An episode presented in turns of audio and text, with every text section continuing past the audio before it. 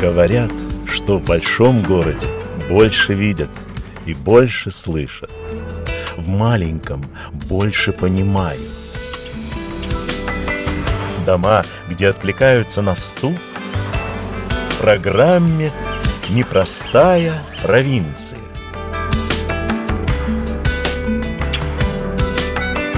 Программу «Непростая провинция» также можно послушать на веб-сайте Латвийского радио 4 LR4 LV и на всех основных платформах потока вещания подкастов. Здравствуйте, я Ольга Гудис.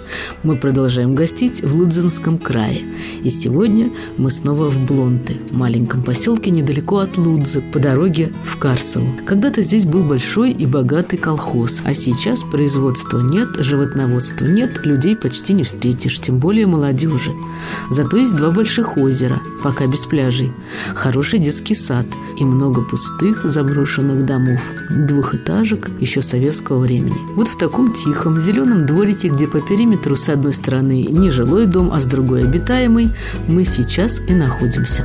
Посреди двора под большими деревьями оригинальная детская площадка с великолепными качалками и крутилками. Ее построил Янис Лубанс, отец большого семейства. И вот из подъезда выбегают дети. Двор оживает, наполняясь движением и звонкими голосами.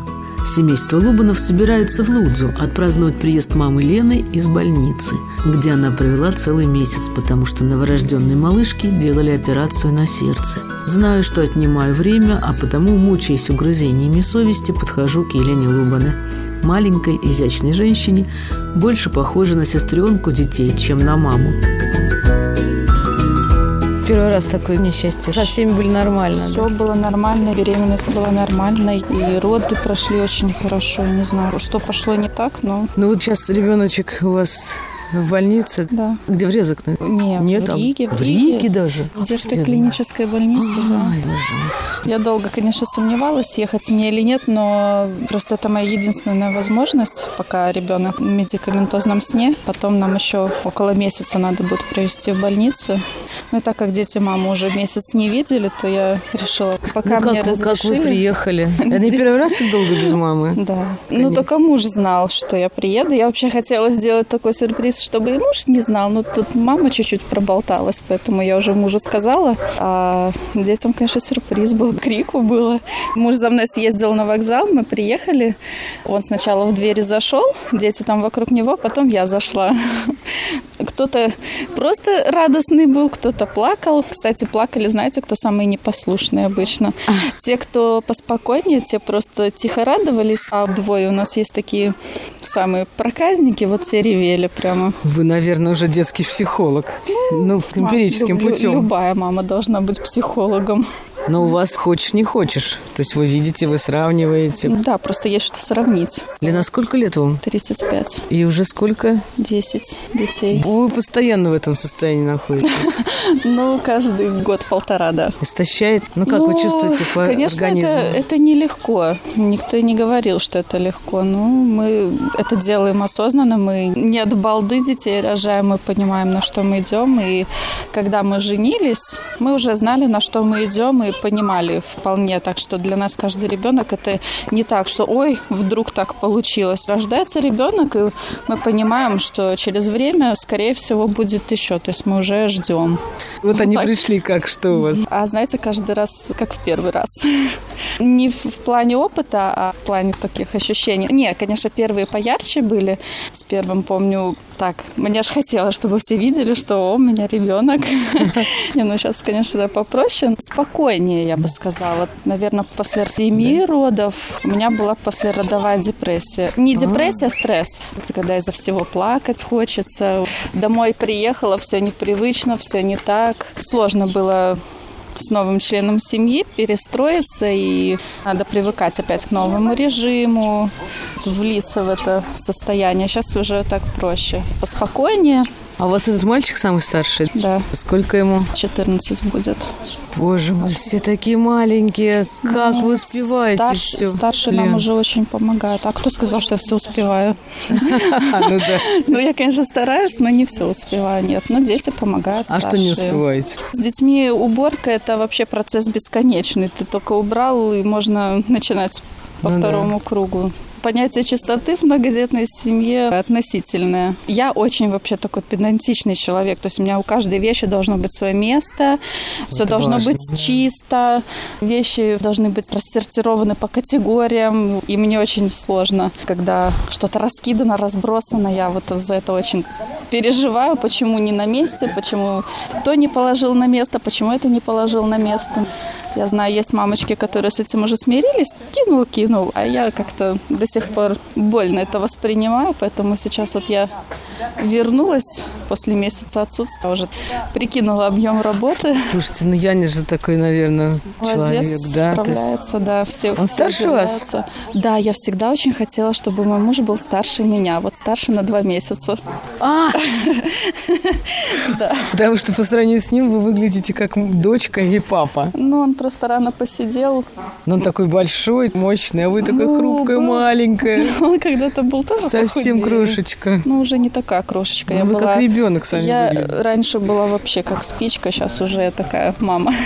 Когда я говорю ему, что надо похудеть чуть-чуть, что надо переставать вечерние посиделки, он на живот похлопает и говорит, это статус, я же многодетный отец, это статус. Класс. Так что я... Вы разговариваете по-латышски? Когда мы поженились, мы, вот пока не родился первый ребенок, ребенку год исполнился, мы вообще разговаривали по-русски. Но потом мы все-таки решили перейти на латышский язык, потому что мы понимали, что детям будет ну, сложнее. Да, Но они немножко понимают по-русски? Они отлично понимают по-русски. Они от русского языка никуда не денутся. Они, кстати, между собой часто по-русски. Я говорю, вы хоть на одном языке правильно научитесь говорить, а то они... Не-не-не, правильно, должны сразу... А то они половину русских слов, половину латышских. Сколько девочек, сколько мальчиков? Вот теперь шесть девочек и четыре мальчика. Мы надеялись, что в этот раз получится поровну, но да. девочки перевесили. Ну ничего. Слушайте, а дерутся? Ну, драться не дерутся. Конфликты, конечно, бывают какие-то, там что-то решают между собой. Ну, прям так, чтобы драться, нет. Потому что вы такие спокойные, показываете пример. Мы или не... вы их учите? Мы или, не такие или они такие спокойные, мы, мы эмоциональные, но мы их учим, объясняем. Ну, бывает, они там, да, замахнутся, толкнут, но так прям драться нет, такого нету. Любят бороться. А-а. Вот э, Посмотри, поборолись с братом. Ой, да. Зуб сломал. Сломали зуб локтем. Я всегда запрещала им такие игры. А папа, ну, говорит, это ж мальчики. Да, мальчики, это, конечно. Ну, вот, такие вот, симпатичные. Да, вот На отца наш... похожи мальчишки оба. Такие ну, мощные. Наверное.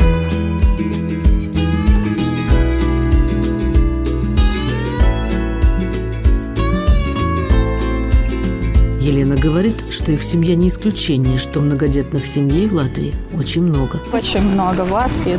То есть люди уверены в завтрашнем дне. О чем это говорит? Ну, я не могу говорить за всех, но у нас ну. христианская семья. По крайней мере, христианских семей мы знаем много. В Даугавпилсе есть 16 детей семья, в Риге 12. Ну, там уже дети выросли все, уже взрослые. А вы в Лепое родились, да? Я из Лепы, да. И вы сразу в христианской семье родились? Нет, нет, а как нет. было? У меня одноклассница была из христианской семьи. Она была такая спокойная, а я была среди таких звезд класса. И я, честно, даже вообще не помню, с чего началась наша дружба. Ну вот подружились, и как-то она пригласила, помню, в церковь на Рождество. Там молодежь собиралась. И как-то я пришла раз, пришла два. Ты подружилась с этой девочкой. Не сразу я пришла в церковь, нет. Я так очень аккуратно с ними по чуть-чуть знакомилась что-то привлекло меня туда. И в конце концов я поняла разницу между обычной жизнью и христианской. И я выбрала себе такой путь. Ну в чем разница? В одно слово трудно объяснить. Но жизнь с Богом и жизнь без Бога – это вообще абсолютно две разные вещи. Если Помощь. люди обычные каждый день мечутся и о чем-то переживают, то даже сейчас в той ситуации, в которой да, мы оказались, ну, конечно, мне как маме переживательно, но все равно в какой-то мере я чувствую покой, потому что я знаю, что будет так, как должно быть. И если даже случится так, как мне будет неприятно, но я все равно это приму, потому что Богу виднее, как оно должно быть это своего рода спокойствие. Может быть, это и смирение? Ну, где-то и смирение, да. Но если мы полагаемся на Бога, то мы Ему полностью все доверяем, все свои проблемы. Я, конечно, плакала, слез много пролила, но я все равно понимаю, что будет так, как должно быть, так как будет лучше.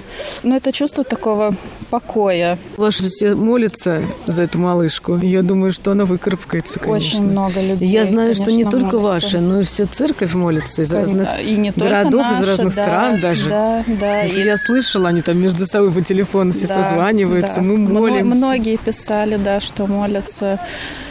В роддоме я познакомилась с одной девушкой. Оказалось, что она где-то там около Балви живет. Я не знала, что она верующая, но я прям настолько почувствовала. Я мимо нее, даже когда ходила по коридору, у меня было ощущение, что я ее так хорошо знаю. И когда в конце концов мы разговорились, прям я по разговору чувствовала, что она верующая. И когда уже стало понятно, она тоже говорит, я так рада, что мы с одного корабля. И мне прям настолько приятно было, что вроде ты в каких-то переживаниях, а тут вдруг рядом родственная душа. И у нас таких много.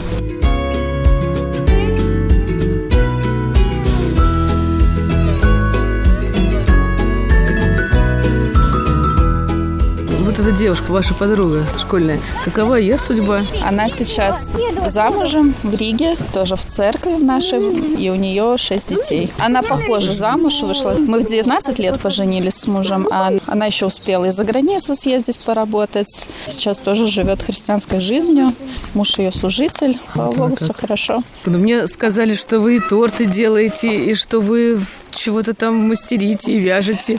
Пока у меня не было детей, я была абсолютной бездарности. Меня вообще даже не интересовало ни рукоделие, ничего. Нет, ну где-то там в детстве моя мама вязала. И, наверное, это как-то откликнулось потом. Но пока не было детей, меня не интересовало ничего. По мере прибавления детей у меня появлялся интерес то к одному, то к другому, то к третьему. И я сейчас прям вижу, что Ну да? меня прям несет. Я хочу все.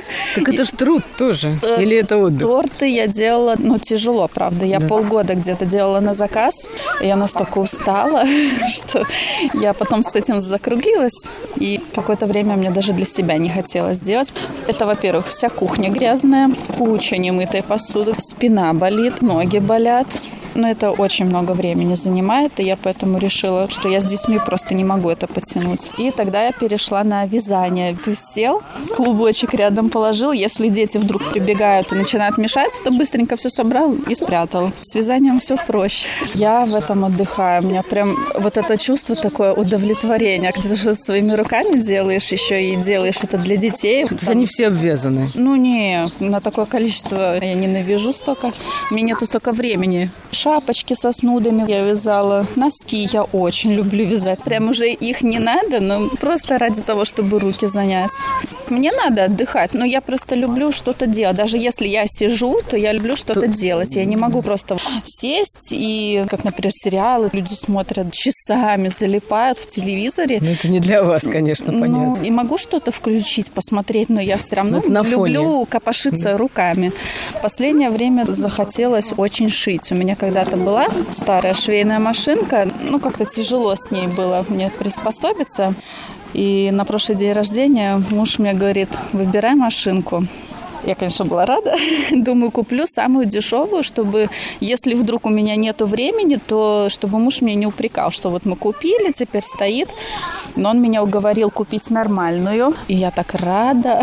В общем, я поняла, что получается делать все то, что нравится. У меня все получается, потому что у меня есть такое большое желание. И в конце концов мы купили еще и дорогой верлок. Я понимаю, что это хорошее вложение в будущее, потому что сейчас детская одежда стоит очень недешево. С годами мои навыки все-таки улучшатся, хотя и сейчас нормально получается, только медленно. И это будет нам и выгодно, и мы можем не носить синтетику, которой все магазины полные. Я выбираю сама ткань, расцветки, выбираю модель. Это такой простор для фантазии, вдохновения посещает. Так себя приятно чувствуешь, когда можно ребенка одеть. Хотя, с другой стороны, я думаю, они так быстро все это трепят. Думаю, пошла и купила. Ну, такое выходное, хочется красивое что-то пошить. Пока что меня не так много времени, как хотелось бы, но дети же не всегда маленькие будут.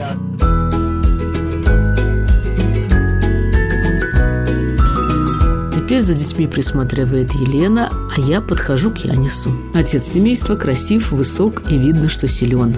На нем виснут сразу по несколько ребятишек.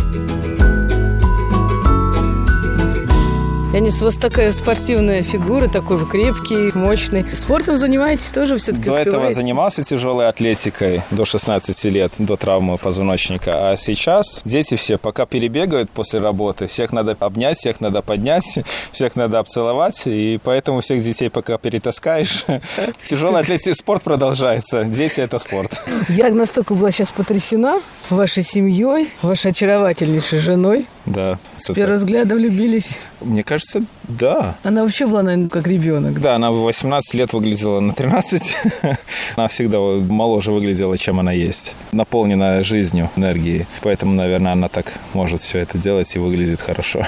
Чем более по-детски выглядит человек, тем у него больше энергии, наполненности. Ну, в данном случае, как у Лены я это вижу, просто она сама себе не дает устареть. Все бег, движение, когда человек в стагнации некоторые находится, тогда и, конечно, организм уже расслабляется, и это как по-моему и как я смотрю на свою жену. Познакомились вы с ней в христианском лагере? Да. Мне было 18 или 17. Но мы пару раз только в жизни виделись, перед тем, как я сделал ей предложение. Как так? Наверное, на третий или четвертый раз я ей сделал предложение. То есть вы уже поняли, что такая девушка вам нужна? Да. да? По сути, знакомства-то толком такого не было. Там разговоров до моего предложения было в общей сложности, возможно, 12 часов. Вы даже Полюбив... подружиться не успели? Не успели. И потом только подружились. И до сих пор еще дружимся. До сих пор еще знакомимся. Вы что-то открываете в ней все новое и новое? Конечно. Мне кажется, нету такого, что все, я мог бы сказать, я знаю свою жену. Потому что постоянно, как мы многодетная семья, с каждым ребеночком, каждый из нас мы открываемся по-разному. Каждый из ребеночков имеет свой характер, и мы проявляемся по-разному. И что-то новое и новое вылезает, открывается, и мы знакомимся друг с другом, сами с собой и с детьми. А как вы пришли в христианство? У вас была христианская семья? Нет, у меня не была христианская семья. Ну, верующая, так скажем, была. Но мама уверовала до меня и молилась обо мне. Я, в принципе, был отрицающий существование Бога, и для меня церковь была уделом ущербных. Я видел в своем городе, что ходят из школы, это те, которые отвергнутые, инвалиды, и бабушки. И когда уже все... Терять нечего. Да, да, тогда уже в церковь. А когда меня отправили в христианские лагеря... Родители вас отправили в христианских а, лагерь? Предложили. Ну, мама именно. А вы чем занимались-то тогда? до, до этого? До ну, этого. Вот учеба, как вы, школа. Как вы себя вели? Какие у вас было окружение, О, с 13, друзья? С 13 лет в полицейском участке уже побывал. Имел судимость. Вы? Да. Да вы что? Судимость? Ну, как не судимость, как это считается? Административный суд. Административное изыскание? Адми... Да, да, да. да. А вот. За что? Что случилось? В алкогольном опьянении устроили дебош. В то время еще была вторая смена в учебе, когда начиналась около обеда. А родители с 8 работают. Меня привозили уже в город с надеждой, что я пойду в библиотеку, пойду в какие-то кружки, потому что я из хутора, и у меня лето все в хуторе проходила работа, еще всякая деревенская такая, то у меня вот это вот было оторваться сейчас, всех увидеть, все испробовать. А в хуторе где вы жили? В Медишеве. Это 5 километров отсюда. То есть летом я подростковую детской жизни не видел. У меня обычно была работа. И поэтому, когда я вырывался в город, то я отрывался. Отрываться это что значит? Хулиганить. Полностью хулиганить. Испробовать все, что только было. А оказывается, мои одноклассники вечером учились. Днем они отоспались и делали уроки, а я приехавший. И такие же нашел, которые тоже отрывались. Вот и в такую компанию попал, и пошло, и поехало. Дебош разный, хулиганство, ну и ранний алкоголь, сигареты, все остальное. Знакомство с ними не поддерживаете? Их вообще не видно больше. До 16 лет, быстро, когда вот границы открылись, они среднюю школу закончили и как-то быстро разбежались. Я даже, и, честно говоря, не знаю, где, что, кто. Ну и, в принципе, мое поколение и мой возраст в том краю, многие погибли, не достигая 18 лет из-за алкоголя. Кого-то поезд сбил, кто-то убился в аварии. Такое вот мрачное время было. Слава богу, за меня мама молилась. Лето опять же наступило перед лагерем. То есть у меня лето, хутор, сено, картошка. А и лучше христианский лагерь. И мне предложили, но у меня был план такой, обхитрить маму, что поеду до Риги, и там пересяду, у меня там крестный. Придумал бы историю, почему бы не получилось, у меня желания никакого не было. Для меня это что-то чужое такое, неприемлемое, это для каких-то таких. Но я уснул в автобусе, и как-то получилось так, что Я очутился в христианском лагере, там мое сердце коснулось, я увидел, что там а есть... как это произошло? Вот это вот загадка. Это для меня тоже загадка. Да, это действительно Божий путь, потому что я увидел там вдруг, что есть молодые, интеллигентные, думающие люди, что это не только какие-то отвергнутые обществом, которые не нашли себе места. Это перспективные люди, те, которые думают, развиваются. Ну, как бы у меня уже задались вопросы. И когда из одних из вечеров вот была эта молитва, когда кто желает, чтобы за него помолились, кто, возможно, желает познакомиться с Богом, что-то внутри произошло такое, что действительно... А я часто всю программу, практически это было на четвертый день, а всю неделю я, знаете, вот так избегал. Я не был на библейских этих уроках. Туда поехал с пачкой сигарет. Минимально там был в программах играх каких-то участвовал. Толком я ничего оттуда не получил такого до четвертого дня. А потом как-то получилось, я пришел на собрание, ни на одно на собрание не был, именно на то. И что-то в сердце такое, что-то как чудо, как что-то такое необъяснимое, почувствовал свою необходимость в обществе. В школе я был с 10 класса, да, меня выкинули из гимназии, потому что там баловство было с всеми всякими веществами, со всем возможным. Родителям проблему устраивал. По понятным причинам я им был тяжелая личность. И полицейский очень-очень был проблемный человек. Вы один ребенок? Да до 17 лет. Потом сестра появилась. Ну, у нас таких близких взаимоотношений не было. Сколько? Полтора года, и я уехал. А Лена тоже одна в семье? Лена тоже одна. Как интересно. Да. И вот так вот Бог коснулся меня, почувствовал, что я кому-то необходим, почувствовал что-то реальное, и вот так и пошел вперед.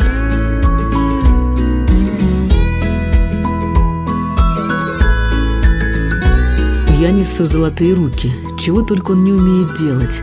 Тому же у него есть права на все виды транспорта и техники. От комбайна и экскаватора до пассажирского автобуса. Слушайте, ну вы такой умелец. Какую-то трубу провели, мне тут все показали.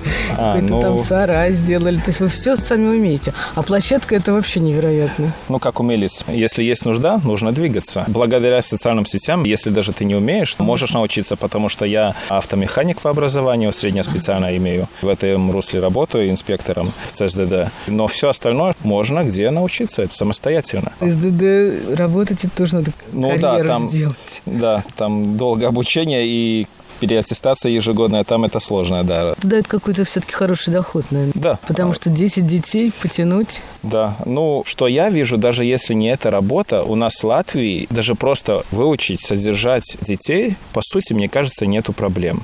Они, возможно, не будут одеты все с магазина, но все социальные службы, Красный Крест, еще что-то помогает. Для комфортной жизни уже, да, заработок нужен. Но чтобы детей иметь ну, в стране... Вот на каком вы уровне, как вы считаете?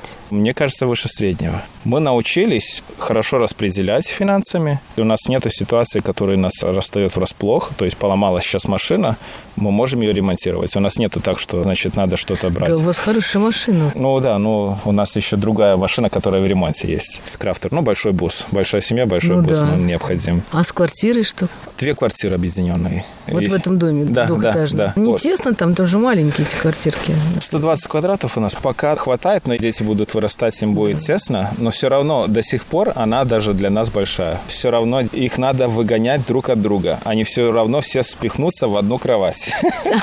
Я хочу с этим спать, я хочу с этим спать. Но я понимаю, это пока они маленькие. Не, у них каждого своя кровать. Но ты можешь прийти в какую-то комнату, она пустая с утра, потому что все спихнулись где-то в другой. А с родителями не лезут к вам? Не лезут, лезут. Особенно утро, тогда у нас полная кровать, просто напихиваются все. Это отчасти меня радует, потому что ты показываешь, что они между собой хорошо ладят и дружат, что они не враги.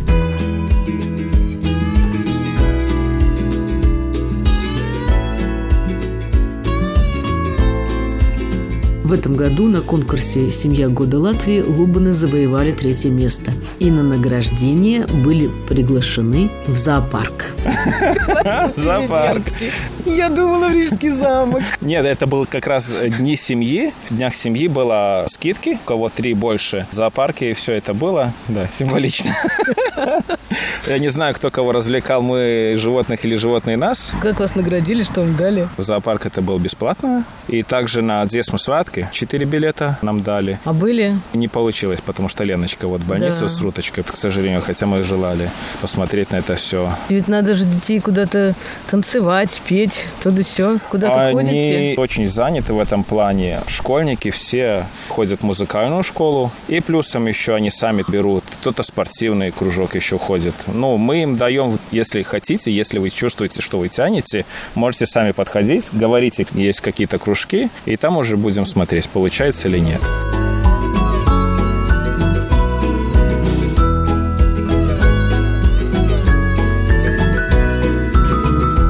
Расскажите, как у вас начинается утро? Я даже не могу представить себе, как это Утро начинается с 12 кружек, а с 11 пока чай. К зимой, если это затопить котел, Вы сами поставили? да, отопление Ого. сами протянули. А у других как в этом же доме? Так же, как и было у нас, печки сначала. Там, где ваш подъезд, как-то более цивильный, а тот какой-то угол совсем развалюх. Ну да, остались-то там одна квартирка социальная, а остальные все, которые живут, они пенсионеры. Но мы купили одну квартиру, купили вторую квартиру, четыре печки. Дрова – это грязь дома. Не это не очень-то любим, нам чистота и порядок нравится. И, в принципе, удобно что-то одно топить, и поэтому сделал отопление центральное. Так, ну и дальше что? Утро активное, это все домашние какие-то дела, приготовить завтраки. Дети просыпаются уже сами. Ладно, эти школьники, у вас же мало-мало меньше. Все такие крошечки еще, А, которые ну, на руках. Те, которые еще не в садике, приучились, они спят. А все остальные запрыгиваем в один автобус. Одних высадил здесь в садике. То есть А, вы возите? Да, ну как раз я, думала, перед работой. автобус. Есть, но он идет раньше. То есть им на полчаса надо вставать раньше.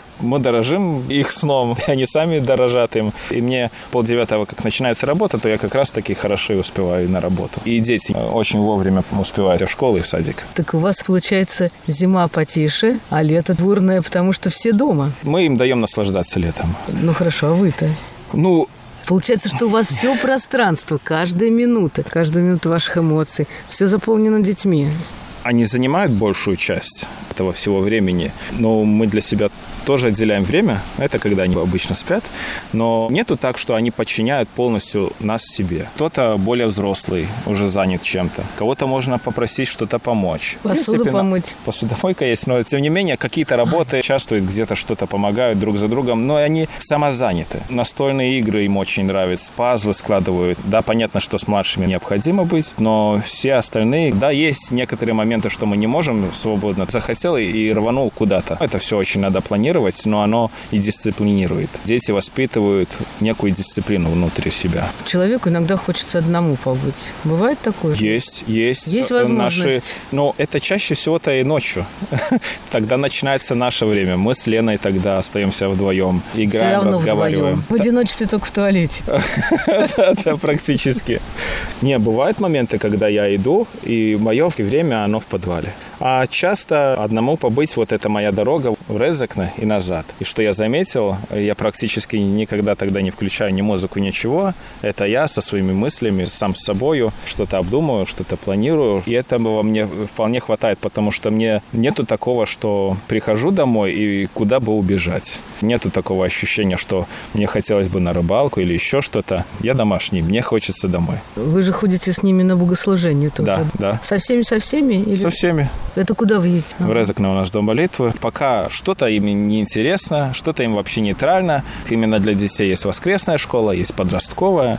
Есть что-то на их уровне, о их темах, о том, что им интересно. Все вовлечены на своем уровне. И самый главный вопрос про любовь. Да. Любовь все возрастает, как в Библии написано. Она еще более-более укрепляется, мы ею учимся. Любовь – это то, к чему нужно учиться. Это труд. Это не только чувство, это ответственность, это труд. Мамочка не стоит в кухне целыми часами из-за того, что она так любит, кайфует.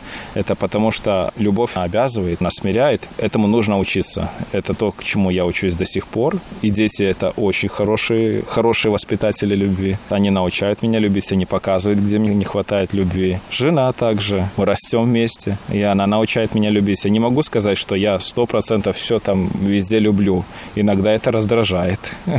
Любовь болит. Любовь иногда всякая разносторонняя, но она укрепляется, да, она растет. То есть бывали даже моменты раздражения? Да, Как то, что лично за меня. Это тогда, когда я убегаю в подвал.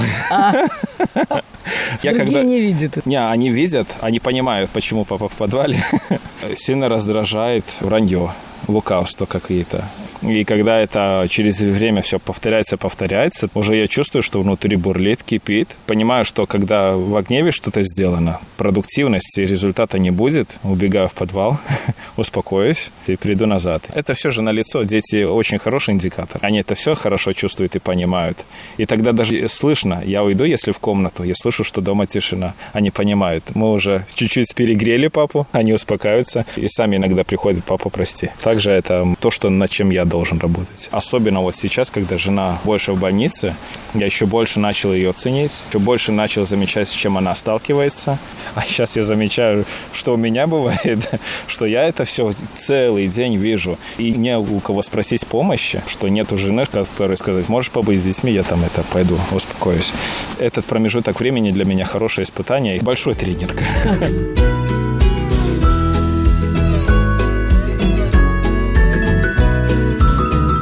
Сегодня в поселке Блонты Лудзинского края мы познакомились с Еленой и Янисом Лобанами, которые растят десятерых детей и считают, что дети – хорошие воспитатели любви.